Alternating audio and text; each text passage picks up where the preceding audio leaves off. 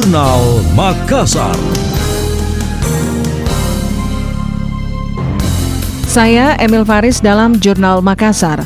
Dinas Kesehatan Sulsel melaporkan adanya kasus COVID-19 varian Omikron terdeteksi di Kabupaten Takalar, tepatnya di Dusun Barua, Kelurahan Bonto Marano, Kecamatan Galesong Selatan. Warga yang positif Omikron itu berinisial NA berusia 27 tahun. Kasus varian Omikron pertama di Sulsel ini diketahui setelah Dinkes Sulsel menerima hasil pemeriksaan sequencing atau WGS dari PHEOC dan Litbangkes Jakarta pada 20 Januari 2022. Berdasarkan histori histori pasien, NA sebelumnya sempat dari Provinsi Maluku karena pria itu bekerja pada perusahaan telur ikan di Dobo, Kepulauan Aru. Selain positif COVID-19 varian Omicron, NA juga memiliki penyakit penyerta atau komorbid. Dinkes Kabupaten Takalar pun langsung melakukan kontak tracing kepada 19 orang dari tenaga kesehatan maupun keluarga yang sempat kontak erat. Hasilnya mereka dinyatakan negatif COVID-19. PLT Kepala Dinas Kesehatan Sulsel Arman Bausat menyampaikan, saat ini pasien yang tengah melakukan isolasi di RSUD Pajonga Dengale, Takalar. Sebelumnya PLT Gubernur Sulsel Andi Sudirman Sulaiman kembali mengingatkan masyarakat untuk mengurangi mobilitas di luar rumah, serta tetap waspada untuk mencegah terjadinya lonjakan kasus COVID-19. Upaya yang dapat dilakukan adalah dengan tidak bepergian ke luar negeri, mengurangi mobilitas, dan menghindari kerumunan. Ia juga meminta masyarakat melakukan vaksinasi sebagai upaya dalam membentuk herd immunity atau kekebalan kelompok.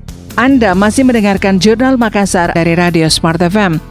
Pemerintah Kota Makassar mengaku belum mau melakukan pengetatan di perbatasan atau pintu masuk Makassar untuk mencegah penularan COVID-19 jenis Omikron. Varian baru itu sebelumnya terdeteksi di Kabupaten Takalar, Sulawesi Selatan. Wali Kota Makassar Dani Pemanto saat dimintai tanggapan lebih memilih mendorong percepatan vaksinasi. Targetnya bisa mencapai 100% dalam waktu dekat. Selain itu, disiplin menerapkan protokol kesehatan prokes 5M, yakni memakai masker, mencuci tangan, menjaga jarak, membatasi mobilitas, dan dan menjauhi kerumunan, termasuk memaksimalkan tindakan 3T yaitu testing, tracing, dan treatment. Salah satu caranya memanfaatkan fungsi kontainer Makassar Recover di tiap kelurahan. Dani mencurigai penularan sudah ada di rumah warga, namun belum terdeteksi lantaran gejala ringan dan terkesan disepelekan. Perbatasan itu kita mengetat kita mengetat seperti apa? Yang penting pengetatan apa namanya 5M, eh, pengetatan eh, kecepatan 3T dan eh, apa namanya vaksinasi. Itu tiga aja. Konon kabarnya Omikron ini akan banyak di rumah karena gejalanya tidak sedahsyat Delta.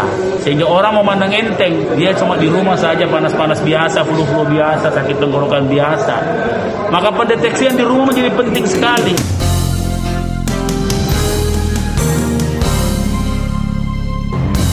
Wali Kota Dani Pemanto menyebut penularan COVID-19 di Makassar sejauh ini masih relatif terkendali, berkisar di bawah tiga kasus per hari.